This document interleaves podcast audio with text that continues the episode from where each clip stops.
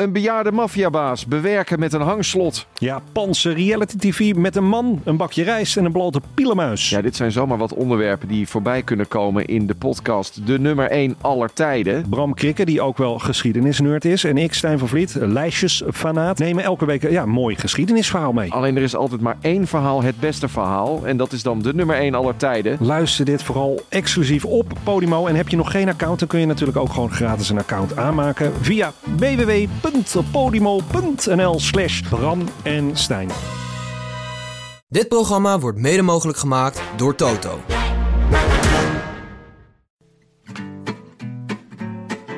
Voor de laatste keer vanaf onze bank in Amsterdam-West is dit de Rode Lantaarn, de dagelijkse Tour de France podcast van Het is Koers.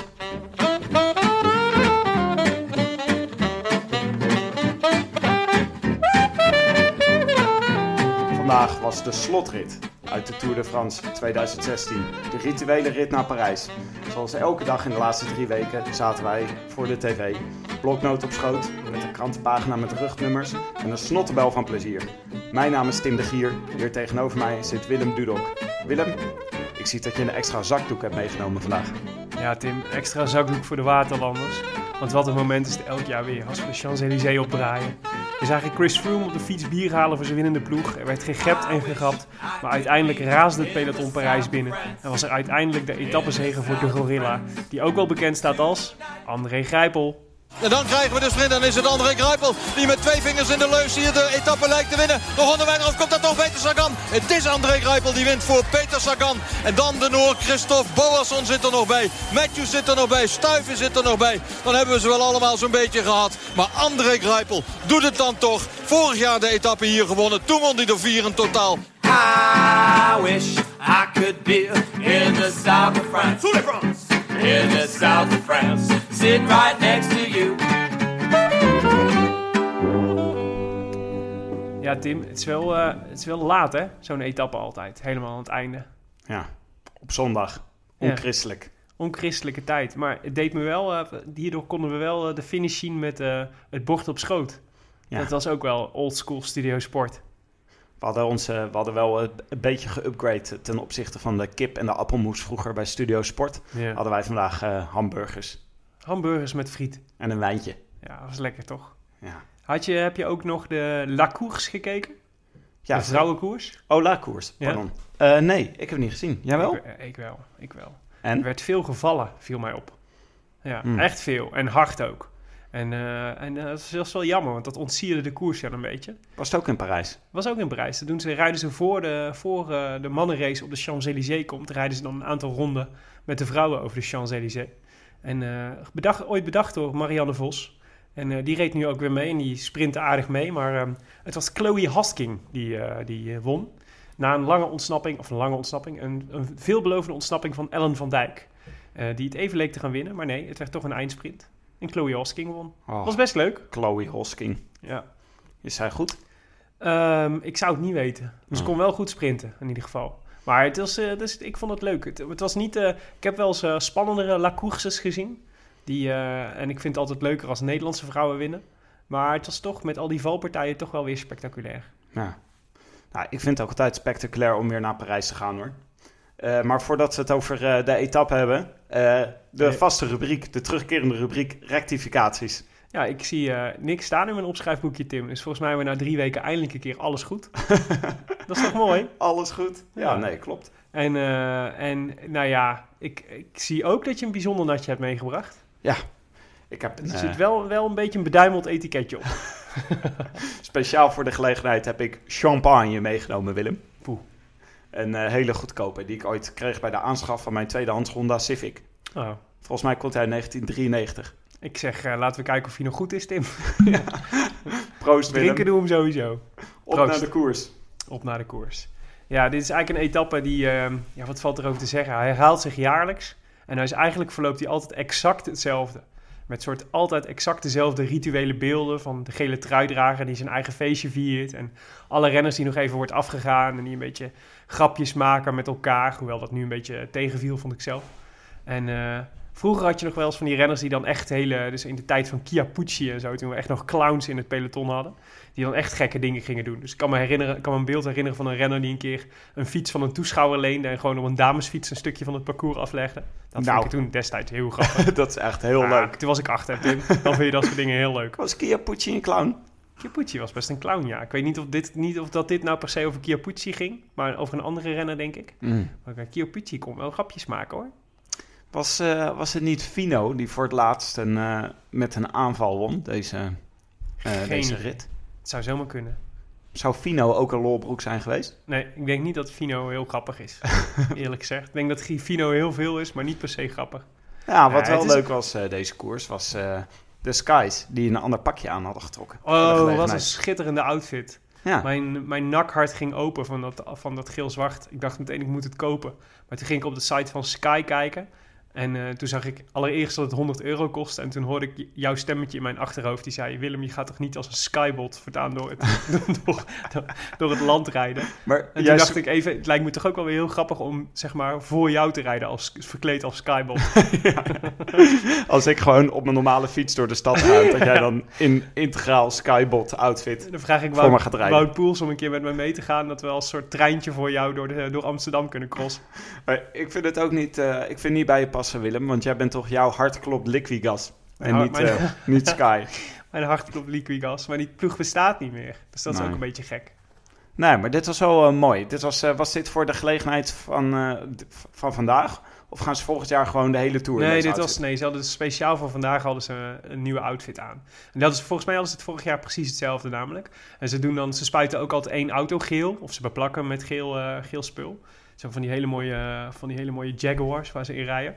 Ja. En, ehm, en, eh, en dus gele stuurlintjes. En het, in plaats van het blauwe bandje hadden ze dus nu gele bandjes. En eh, ja, het zag er mooi uit. Goh, wat een feestnummers zijn dit toch, hè, de ja, bij Sky. ja, echt. echt. nou, ik denk, ik weet niet, het lijkt me Geraint Thomas denk dat je aardig eh, pils kunt drinken hoor. Ja? Gok ik zo. Ik maar dat- weet ik niet, maar met, eh, met, eh, met eh, Thomas, dat lijkt me de gezelligste van het cel. Ik denk dat de sfeer eh danig achteruit is gegaan sinds Wiggo ermee op is gegaan. ja, Bradley sowieso. Maar ze Wiggins. hebben vanavond een feestje, dus, eh, dus eh, dan staan, eh, staan eh, Sergio Henao en, en, en ehm, Geraint Thomas samen op de bar te dansen. Ja, met Wout Poels. Op Crowded House ja, waarschijnlijk. precies. Lekker schuifelen. ja, val, aan het einde van de avond vallen ze elkaar huilend in de armen. En dan zingt Froome Hey nou voor, voor Sergio. Het lijkt me te gek. Als we daar beelden van kunnen krijgen, dan... nou ja. Stuur ze in Grof, ons, grof geld voor over. Naar Wikileaks. Maar je vraagt je toch af waarom... eh, waarom ja, er is een soort van ongeschreven regel dat je niet demareert in de laatste etappe tot op de Champs-Élysées. Dat we en groep naar de Champs-Élysées rijden. Terwijl je eigenlijk zou zeggen, het is natuurlijk echt een, eigenlijk een uitgelezen etappe voor, eh, voor aanvallers. Als nou iemand dat zou durven breken. En, want je hebt namelijk, als je acht minuten hebt, dan kun je gewoon achteraan in het peloton weer aansluiten. Ja. En dan, eh, dat lijkt me echt Dan heb je ook geen last van de wind, Nee, je? nee, maar dat Ja. lijkt me het mooiste. Want dan, heb je gewoon, dan is het gewoon een kwestie van uitrijden en in het peloton blijven. En dan heb je gewoon gewonnen. Misschien is het wel gebeurd, maar ja, dat, Ja, dat weet niemand. ja. Dat, dat we toch nog een aanval van Bert-Jan Lindeman hebben gezien, maar niemand die heeft gemerkt.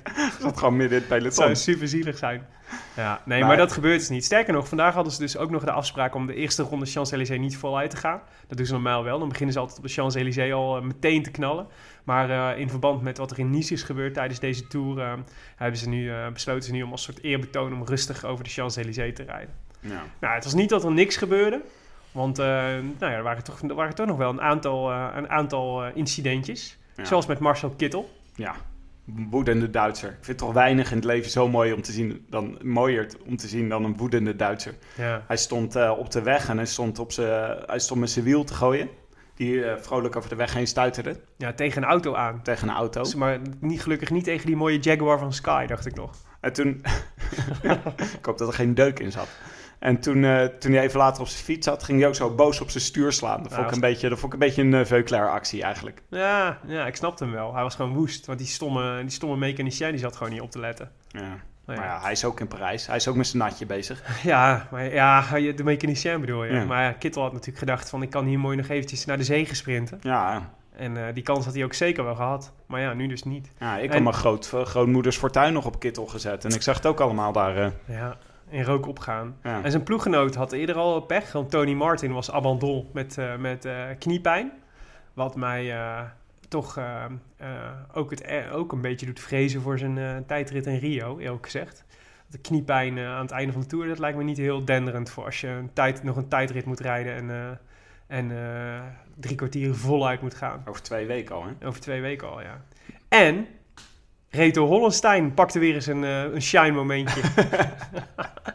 Een driedubbele Rietberger. Drie dubbele Rietbergen. Ja, we hadden eerder gegrapt over Reto Hollenstein en de Tour-proloog in, eh, in eh, Utrecht. Waar, die, waar ik hem had leren kennen en zag dat hij bij de warming-up viel. En dat vond ik heel grappig, omdat Reto Hollenstein toen op zijn gat lag. Maar dat deed gewoon nu weer. Hij had gedacht, dat is, dat, is, dat is kennelijk zo goed bevallen. Ik doe het nu echt prime time op de meest belangrijke plek voor een wielrenner. Midden op de Champs-Élysées. Even op mijn Reto Hollenstein. Hij ging wel echt eh, hij ging wel hard. Want dat is gewoon op zo'n moment dat ze 60, 70 per uur rijden. Zo'n beetje. En, eh, en eh, volgens mij reed die, gebeurde er niet zo heel gek, veel geks of zo. Maar waarschijnlijk een bidon die door het peloton stuiterde. Ja. Of zoiets. Waardoor die viel. Maar ja, jongen, dat je, ziet, je zag hem zo eruit stuiteren uit zo'n peloton. Dat is toch wel pijn hoor. Hij is gratis op te halen, toch? Reto Hollenstein. Reto Hollenstein, ik zou het wel weten. Me- soms, hem voor volgend jaar gewoon in de podcast halen? Gewoon als vast... eh, dat we hem gewoon eh 10.000 euro bieden per jaar om bij ons aan te schuiven drie weken lang. Reto, what, what did you think of this shoot? Zo praat hij, denk ik. En en over valpartijen gesproken trouwens. Je moet ook even de valpartij van Kelderman van gisteren eh, opzoeken. Daar waren, zijn wat amateurbeelden van opgedoken, maar die ging er ook niet, eh, niet zachtjes af. Oh, ik zag het, Willem. Jezus, hij kan echt door de bocht heen glibberen, werkelijk. Ja. Zijn fiets schoot alle kanten op. En ik denk ook, ja, dat kan je ook niet meer... Je kan er niet zo heel veel aan doen, toch? Zo'n valpartij. Gewoon over zo'n streep. Het is heel erg nat. Ja, ja. Denk aan de wet van Willem Dudok, Tim. Ja, je hebt gelijk.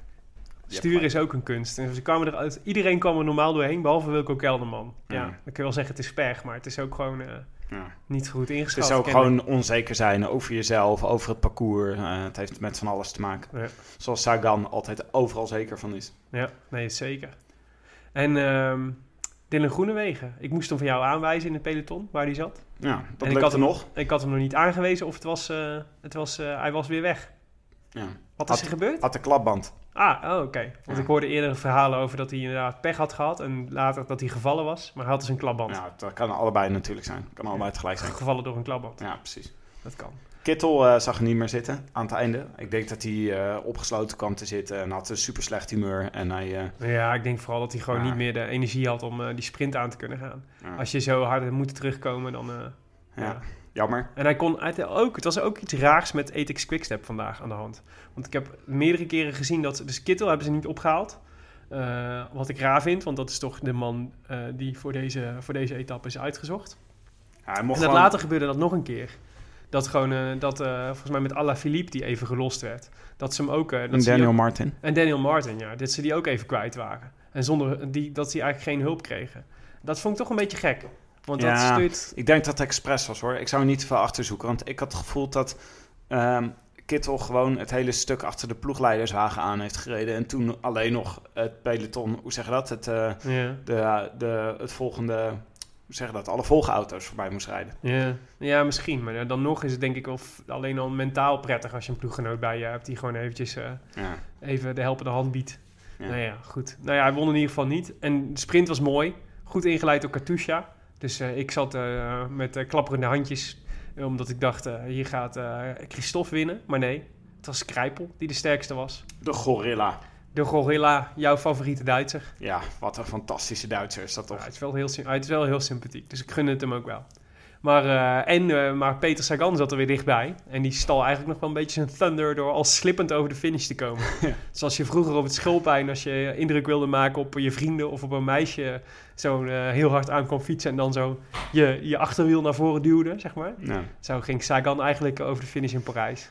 Maar ja, ja, dat doen ze vaak natuurlijk. Gewoon een fiets naar voren duwen. Maar dit keer zag je echt zo zijn wiel heen en weer glibberen over Ja. het peloton. Want Parijs is toch altijd veel kasseien. Ja, dat is waar. Terwijl zijn vrouw eh kerend van plezier waarschijnlijk op uh, Spoorzaak commentaar aan het geven was. Ja, nou, mooi is dat. Ja. Nou ja, dat was hem, Tim. De laatste rit. Ja, wij Gewonnen dachten... door Marcel Kittel. wij dachten Oh, oh, gewonnen door eh, André Grijpel. Ja, misschien moeten we ook nog zeggen dat Grijpel altijd zijn ritje meepakt. En eh, nu moest het weer helemaal tot de laatste etappe duren. Maar, eh, maar net als vorig jaar won die Champs-Élysées. Ja. En dat is toch de mooiste van allemaal, hè? Ja. Mooiste sprint. Nee, zeker. Nee, dat was, dat is gewoon klasse. Hij was ook zichtbaar heel erg opgelucht. Jammer dat hij de Alpa Klassieker niet heeft gewonnen, waar hij mee zat met de kop. dat had ik echt heel leuk gevonden. Eh, met zijn sprintje bergop. Ja. ja, dat was te gek. Goed. Tim, wie is de leukste renner van deze Tour? Ja, we dachten laten we gewoon allemaal lijstjes maken, toch? We gaan gewoon eh, we gaan even de belangrijke, de belangrijke gebeurtenissen gaan we doorlopen. Wie vond je de leukste renner deze Tour? Nou, ik, eh, ik pleit toch voor Slatan Ibrahimovic Sagan. Was, dat, eh, was, eh, dat was toch, die, die gaf het kleur. Die was, eh, die was het sterkst in de sprint. Hij zat de hele tijd bij de, bij de top. ja, Hij won de tussensprintjes. Hij zat met bergritten mee. ja. Hij was technisch weer briljant. Hij heeft ook de, de prijs voor de, de strijdlust gekregen. hè, Van de meest aanvallende renner van, dit, van deze Tour. Ja. Volslagen terecht. En het lijkt alsof hij een stapje heeft gemaakt van altijd tweede worden naar in principe altijd eerste worden en soms tweede. Ja. Had ook wel heel veel ereplaats hoor, deze, deze Tour. Maar goed, Ja. ook twee ritoverwinningen. Ja, en op de momenten dat ze hem verwachten. Bijvoorbeeld die rit naar Bern. Ja, hij was cool. Ja. Ja, eh, Pantano wil ik er ook nog wel even noemen, want die zat er ook nog heel vaak bij. En, eh, en won ook een hele mooie rit. Ja. Ja, dat is wel een goeie. ja, en Pantano was ook leuk omdat hij... De verhalen gingen de hele tijd over die renners in Colombia... die eigenlijk heel erg goed waren... maar Ja. die zich nog niet echt lieten zien in de Europese koersen. En eh, Pantano was er daar eh, eentje van. Ja. En Stef Clement vertelde eens allemaal leuke verhalen over hem, toch? Ja, zeker. Bij de avondetappe liep hij leeg over Pantano. En dat, daar bleek uit dat het een hele sympathieke gast was. Overigens hadden we bij de leukste renners van deze Tour Stef Clement ook wel kunnen noemen. Ja. Want die was ook wel uh, alomtegenwoordig als Nederlander. Het is altijd wel de Ja. hoop dat hij, als er dan iemand bij zat, dan toch Stef Clement.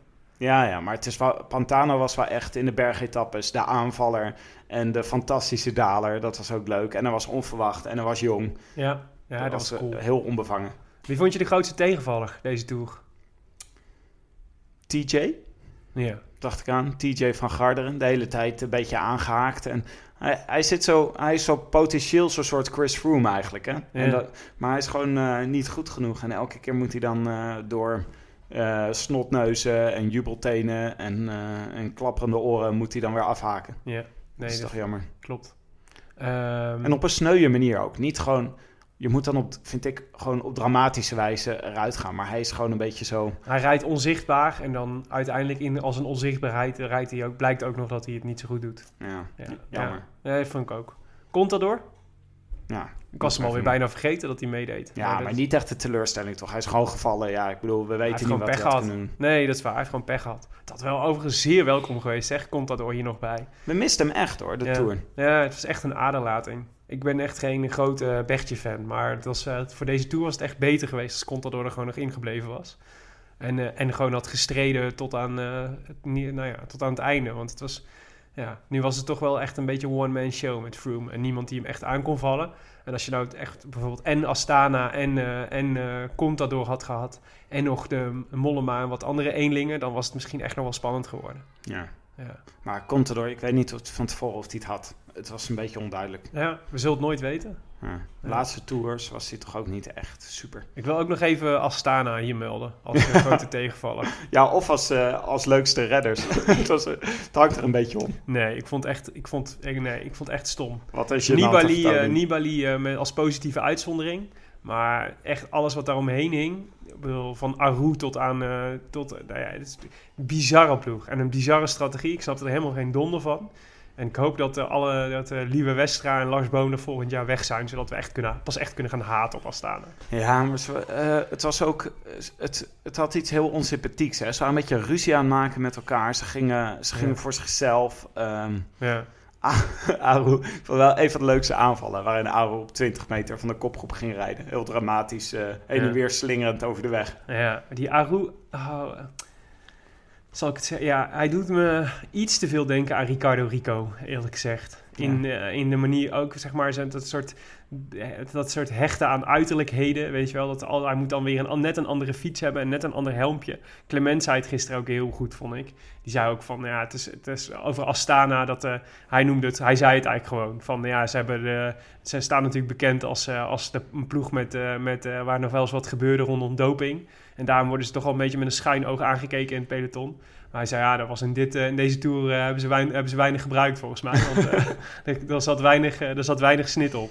Behalve eh, Sam, of, Luis Leon Sanchez, zei hij. Dat, die is altijd, maar die is altijd heel sterk en altijd heel goed. Ja. Maar dat was, ja, verder was het weinig. Ik vond het echt, ik vond het dramatisch Astana. Echt, het sloeg nergens op. En ik vind toch dat we moeten noemen Wilco Kelderman. Ja, dat vind ik niet terecht.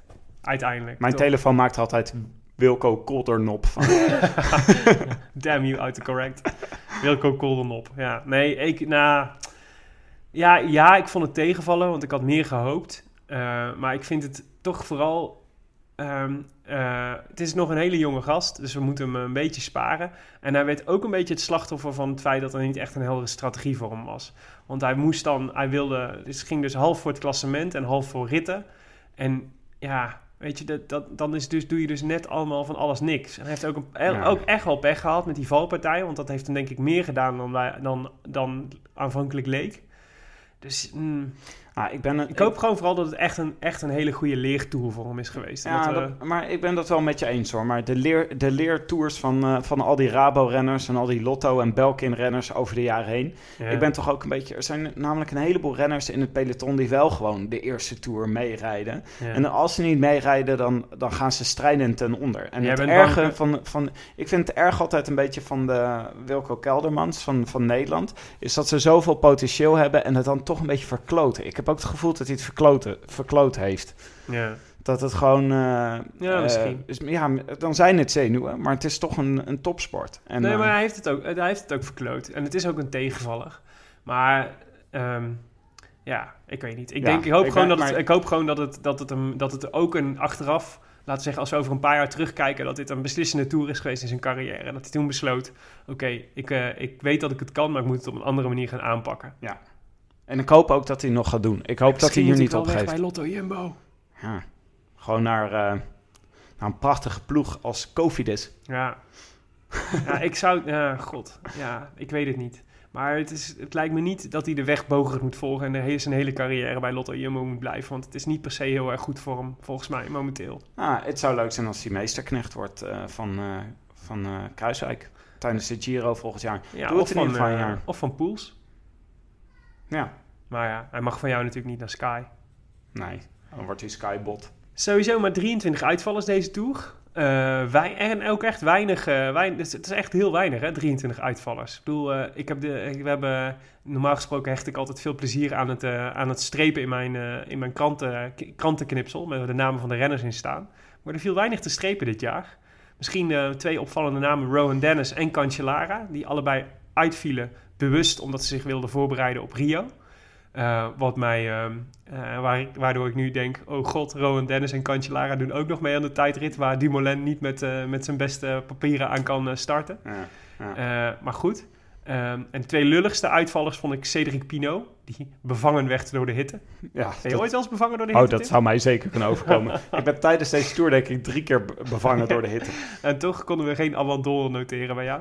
ja, en natuurlijk Sebastian Langeveld die zijn Brinta niet binnen kon houden. En daardoor eh, nog voor de eerste de beste goede bergrit al eh, moest, eh, moest afhaken. Ja. Beslismomenten. Wat vond je, wat, wat, wat denk je, wat waren de momenten die ertoe deden? Ja, ik heb toch ik heb drie momenten eigenlijk in mijn hoofd. Dat is eh, de curieuze afdaling van Froome, die voor op zijn fiets ging zitten en op de top toen eh, Quintana even niet oplette ineens keihard wegreed. Ja. Eh, de tijdrit, de, ah, nou eigenlijk beide tijdritten, waar Froome gewoon echt op zijn best was.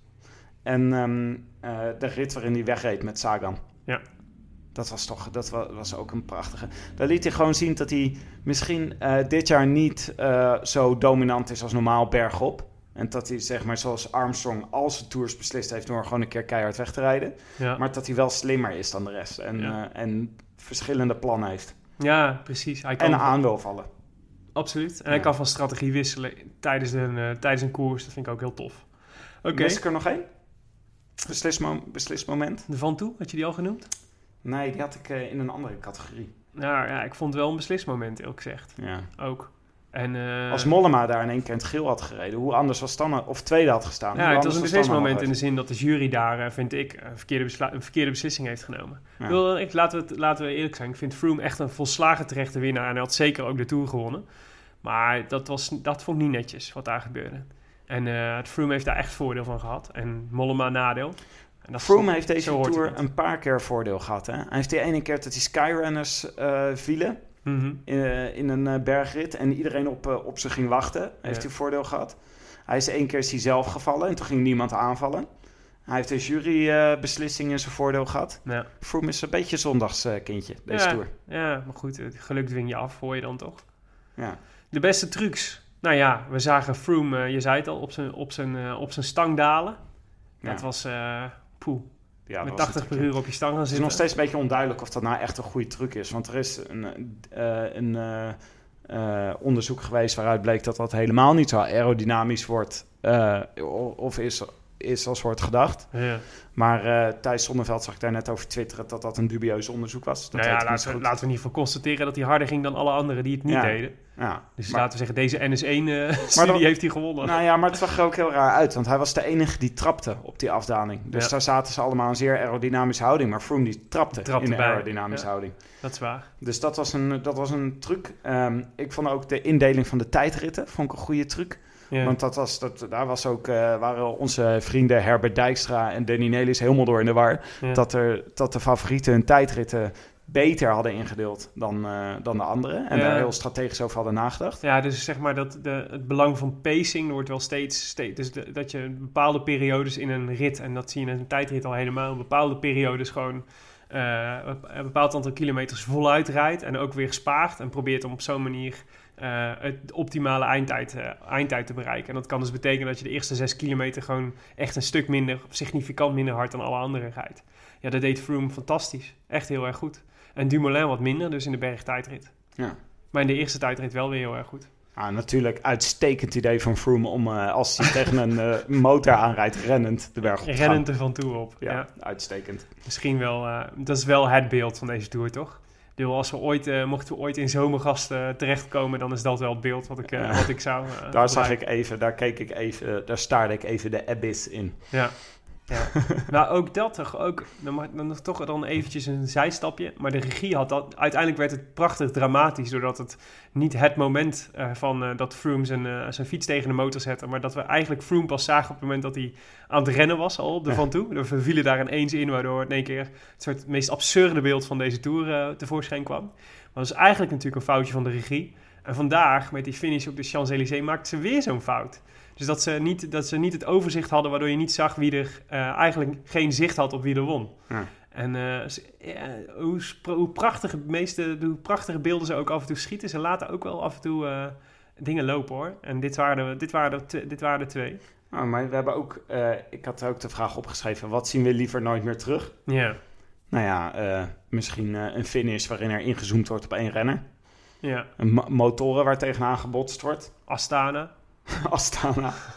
nou, ik dacht nog, ik had nog opgeschreven, eh, de Skybot. We Ja. moeten echt iets... De renners moeten gewoon... Nou, ik vind niet... Het is niet de schuld van Sky. Maar ik vind dat Nee. de renners... De andere ploeg hebben gewoon geen plan om iets tegen Sky te doen. Of misschien geen mogelijkheden. Maar probeer in ieder geval... eh, in één bergetappe te zorgen dat Froome in zijn eentje zit. Maar en dat lukt mij, gewoon niet. volgens mij is er best wel eh, consensus over, eh, laten we zeggen, binnen, binnen wielerkijkers van wat er voor dingen dan moeten gebeuren. Hè, dus volgens mij is er consensus over, er moeten hekken op de, op de, op de bergen. Van, van start tot eh, van, van, de, de- van de, de voet van de berg tot het einde. Zodat je ook meelopers verkoopt, voorkomt. Eh, en dit soort gedoe zoals je op de man van toe zagen. Eh, volgens mij is er overeenstemming over dat de ploegen kleiner zouden moeten. Ik hoorde zelfs de, de tourbaas erover, erover praten. Die had het nog over, we moeten van 9 naar 8 bijvoorbeeld. Nou, voor mij mag het nog wel wat kleiner. Zes. Naar 6 bijvoorbeeld. En volgens mij, wat, nu ook, wat je ook steeds meer hoort... en wat ik ook terecht vind, is zo'n salary cap. Zo'n beetje wat je bij de NBA ook hebt bijvoorbeeld. Dus dat je zegt van een ploeg mag maar een bepaald eh, bedrag uitgeven aan salarissen... waardoor het dus voor een ploeg veel moeilijker wordt... om alle toppers bij zichzelf te houden. Daar En- geloof ik niet in. Ik geloof niet dat dat ooit gaat gebeuren. Want Nee, maar dat is wat Het anders. probleem is- Dit is wat anders. Ja, is wat dat anders. De vraag is zou, het, is, zou het verstandig zijn? ja, maar daar is ge- je zei dat daar consensus over was. Eigenlijk is dat het een goed idee zou zijn. Dat. Daar is wel consensus over. Ja, denk Ja. je? Ja, onder de renners of onder journalisten? Nou, bij mij in ieder geval. ja, precies.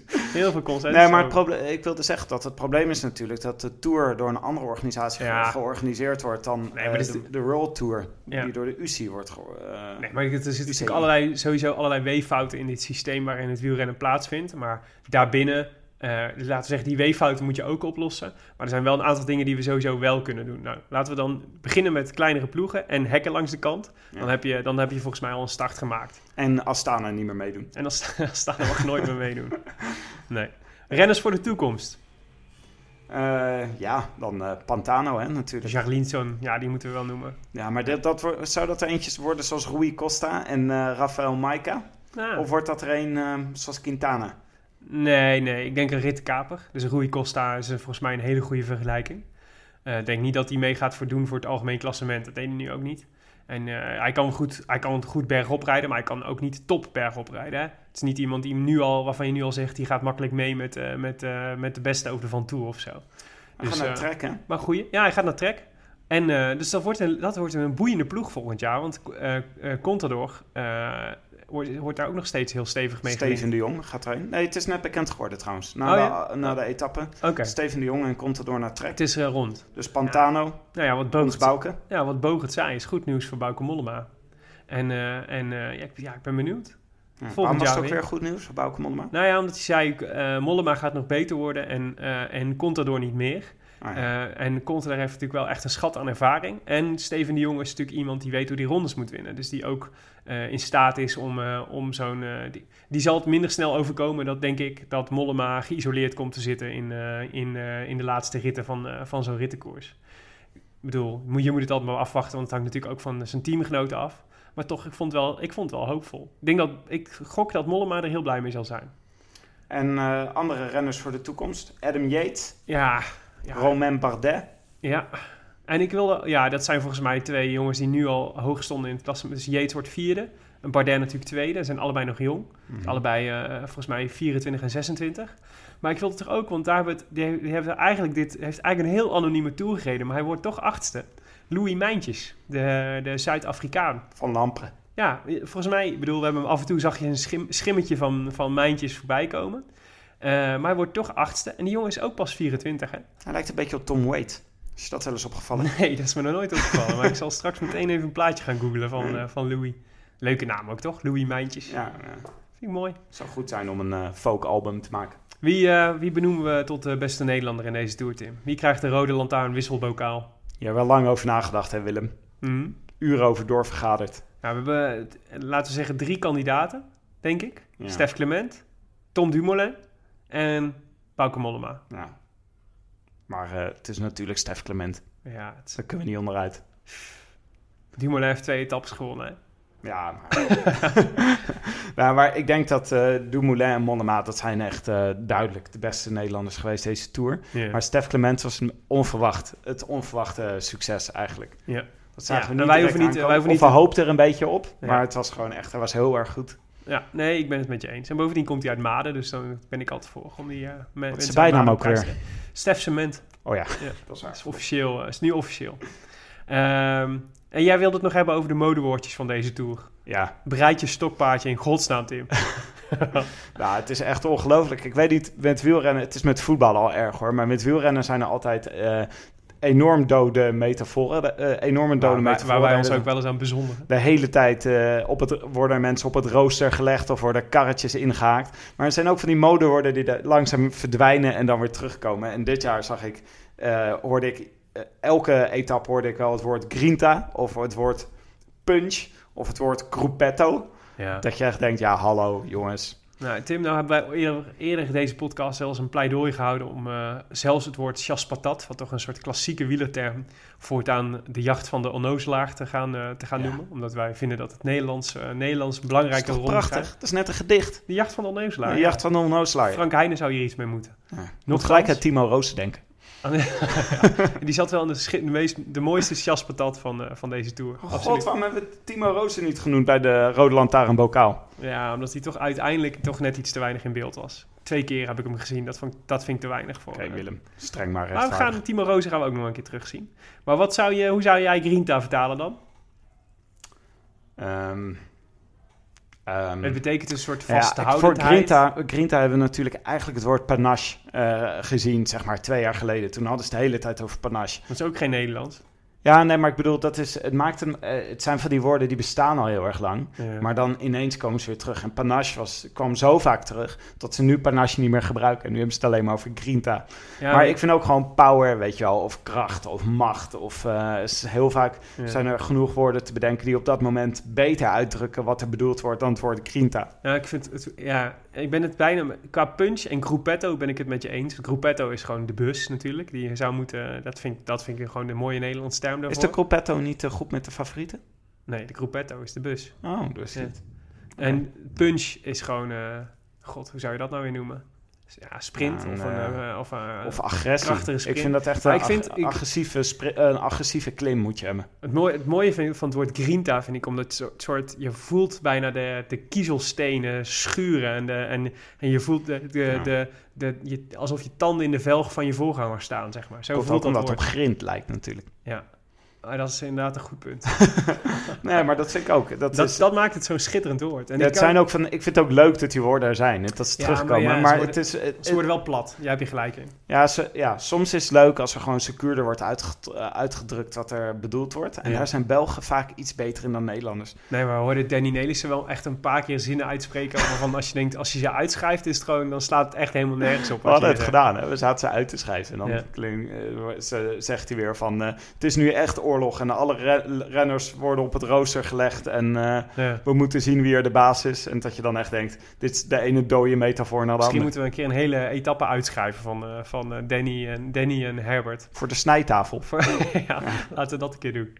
Goed, dat was deze tour. Ja. We hadden nog een glazen bolcup Wat, natuurlijk. hoeveel sterren geef je de Tour nou uiteindelijk? ik had hem al, eh, nou, ik blijf bij mijn eh oordeel. 3,5 ster. Ja. Ja, ik vond het, een leuke, vond echt een leuke tour. Ook dankzij de podcast, moet ik zeggen. Dat maakt, het geeft wel een soort extra cachet. Sorry, Frans. Ex- Extra panache. extra grinta aan het hele gebeuren. Maar ehm, nee, ik vond geen, eh, het is geen tour voor in de geschiedenisboeken. Er zaten wel een aantal momenten in die prachtig waren, maar het is 3,5 sterren eh, wil, ik, er- wil ik er aan geven. Ik vraag me af of dat nou normaal, of dat nou een beetje een soort regel is van de sportjournalistiek. Dat je altijd moet zeggen dat iets fantastisch is geweest. En altijd zeggen, achteraf moeten zeggen, weet je wel, samenvatten in de laatste etappe. Nou, het was toch wel weer een lach en een traan en spektakel Ja. en eh, slagveld. En dat is het ook wel. Maar je mag best zeggen dat deze Tour gewoon iets voorspelbaarder verloop had dan bijvoorbeeld die ene van Nibali eh, twee Ja. jaar geleden. Waarin er de hele tijd gevochten werd en op de eerste berg gedemereerd werd. En Ja, je wil, je wil toch, je wil toch een beetje spanning erin hebben. ja dat is waar. Ja. Nou, wat ik wel vind, is wat ik, wat ik jammer vind aan de manier van, van wat het lijkt alsof dat er nu verslag gedaan wordt van de Tour. Dat het niet meer echt zo makkelijk lukt om echt verhalen uit het peloton te halen of zo. Je hebt wel vrij veel gesprekjes van renners, maar die blijven toch redelijk obligaat, vind ik. Van hoe ging het vandaag? we En- moeten dag bij dag. Ja, dat is ook nog eentje voor de modewoordjes. Ja. We bekijken het dag per dag, omdat je eigenlijk niks wil zeggen. Nee, en, en je ziet bijvoorbeeld ze gisteren aan zo'n, aan zo'n gesprek met Stef Clement, die ook wel gewoon alle spanning is natuurlijk af, want ze, ze, ze zijn er bijna en hij hoeft niks meer te doen. Maar die soort, die soort helemaal leegloopt en gewoon in één, eh, in, eh, in, in zes minuten of zeven minuten volgens mij een heel seizoen avondetappe redt. Door gewoon, eh, door gewoon echt, echt hele boeiende en interessante dingen uit het hart van het peloton te brengen. En dat zo, ik dacht, ik, ik zag het en ik dacht, ik geniet hier echt enorm van. En tegelijk dacht ik, ja, dit is eigenlijk jammer. Het jammer is dat we dit drie weken lang veel te weinig hebben gezien en veel te weinig hebben meegekregen. Terwijl dat juist, weet je wel, die verhalen uit het peloton, die zijn juist ook super interessant. Ja. Ja. Maar goed, we hadden dus nog een eh, laatste glazen bolcup. Ehm, en ehm, wij hebben wederom niet goed. Oh. Ik heb Ah, er geen eentje goed gehad. je hebt, ja, gefeliciteerd. Dat is echt, waarschijnlijk ben je de enige Oh. Nederlander zonder één, eh, één eh, voorspelling goed. Maar jij had Marcel Kittel. Nou ja, jij had ook pech vandaag. Ik had Alexander Christophe, die niet eens pech had, maar gewoon kracht tekort kwam. Maar we hadden wel eh, een aantal mensen die André Kruipel hadden genoemd. Namelijk Bram Harkema, Leonieke Aalders en Stef Beukers. Ehm, die eh hashtag Glazen Bolcup, hashtag Rode Lantaarn hadden gebruikt. En ik vind, Tim, omdat het de laatste etappe is, gaan we gewoon de notaris eh, opzij duwen. En geven ze gewoon deze, alle drie deze mensen een boek Lucien. Oh, Willem. Wat vind je daarvan? Wat heb je toch een groot hart. Echt hè? Laten we het als ons Oprah-momentje beschouwen. Schitterend. ja, Lucien, over Lucien van Impe. eh, heel fijn, beschikbaar gesteld door uitgeverij Lano. Dit was het dan. Willem. De Rode Lantaarn. De Rode Lantaarn. Het eerste seizoen. De dagelijkse podcast van Het is Koers. Gepresenteerd en geproduceerd door Willem Dudok en Tim de Gier. En mede mogelijk gemaakt door hetiskoers.nl, de wielerblog van Nederland en Vlaanderen. Met extra dank aan eh, Leon Geuyen en Bas van Eyck voor hun enthousiaste medewerking. En Johnny Wonder, eh, Willems communicatiebureau voor het digitale tijdperk. Als je nog eens communicatie nodig hebt, stap vooral voor- op ze af. Ah, maar alleen voor het digitale tijdperk. En, eh, en Gaston, natuurlijk, onze hondstrouwe assistent. En eh, wil je reageren de komende tijd via Twitter, zijn we nog steeds 24 uur per dag, 7 dagen per week. Eh, behalve rond etenstijd te bereiken via Willem Dudok en eh, Tim de Gier. Het willen we ook, hè? Oh ja, pardon, anders gaat het helemaal verkeerd. Zeker. Voor eh, allerhande nieuws en analyse over het wielrennen verwijzen wij u graag naar onze trouwe partner. Het is koers.nl. Zeker. Morgen zijn we er niet, want de Tour is klaar. Het is toch altijd zo'n momentje dat je denkt, nu komt er een zwart gat. Maar gelukkig, over twee weken beginnen de Olympische Spelen. Willem, ik, ik denk dat ik solo ga. ik ga bij de Olympische Spelen. Ik ga gewoon eh, ik ga met eh, Talpa ga ik een dagelijkse show maken. Net als die jongen van, eh, van de snijtafel. Ja, Dat is Ja, hem dat- goed bekomen, hè, Tim? ja die is onmiddellijk doorgewoken. Nee, Willem, ik zweer trouw. Ik ga niet zonder jou tijdens de Olympische Spelen. Ik ga niks over de Olympische Spelen zeggen. Ik ga er alleen naar kijken. Heb je ervan genoten, podcasten? Ja, Drie weken lang? ja ik vond het, eh, sommige etappes vond ik het podcasten leuker dan het eh, kijken naar de etappen zelf, moet ik eerlijk zeggen. Ja, ik ook. En, eh, sowieso vond ik het altijd leuk. Het is heel leuk om... je kijkt veel intensiever naar... je beleeft de Tour veel intensiever. Dat vond, ik, vond ik ook heel boeiend. En het is gewoon leuk om te merken dat mensen daadwerkelijk geluisterd hebben... naar wat we te zeggen hadden. Ah, weet je wat raar is? Ik vind zelf altijd, als ik, naar een, eh, als ik een leuke film heb gezien of een leuke serie heb gezien, vind ik het altijd heel erg leuk om een nabeschouwing van te lezen. Ja. De recaps, weet je wel, waar Ja. mensen bespreken, scène voor scène bespreken wat er gebeurd is. Ja, Dat lees ik altijd graag. En zo werkte de podcast ook een beetje voor mij. Dat je dan zo'n etappe hebt gezien en dat is al leuk. En dan, als je nog een keer herbeleeft, dan, dan Ja. kan je nog even de significantie van alles wat je gezien hebt benoemen. ja, zeker. En los daarvan was het natuurlijk ook gewoon reuze gezellig. Ja, het was, En we hebben veel gedronken, dat was ook altijd goed. maar eh, schenk nog één keer in, over drinken gesproken. Ja, Want eh, aan al het goede komt een eind. dit Dus, was het, eh, Willem. Proost. Bedankt voor het luisteren, lieve mensen. We komen terug, ongetwijfeld. In wat voor vorm weten we nog niet. Mocht u daarvoor suggesties hebben, dan kunt u ook eh, twitteren naar ons. En in de verte, Willem, In de hoor verte. ik eh, de geluiden van... eh, nee, shit, ik weet niet meer. Hoe, hoe kondigde de Mart altijd, dat altijd aan? In de, verte, in de verte horen we de nachtegaal van Nant horen we zingen. Oh ja, dat was hem. En, en met Dalida gaan wij de nacht in. Au revoir, Tim. Au revoir. Buenas noches, mio amor. Bonne nuit, que Dieu te garde. À l'instant où tu t'endors, n'oublie jamais que moi, je n'aime que toi. I wish I could be in the south of France. In the south of France, sitting right next to you.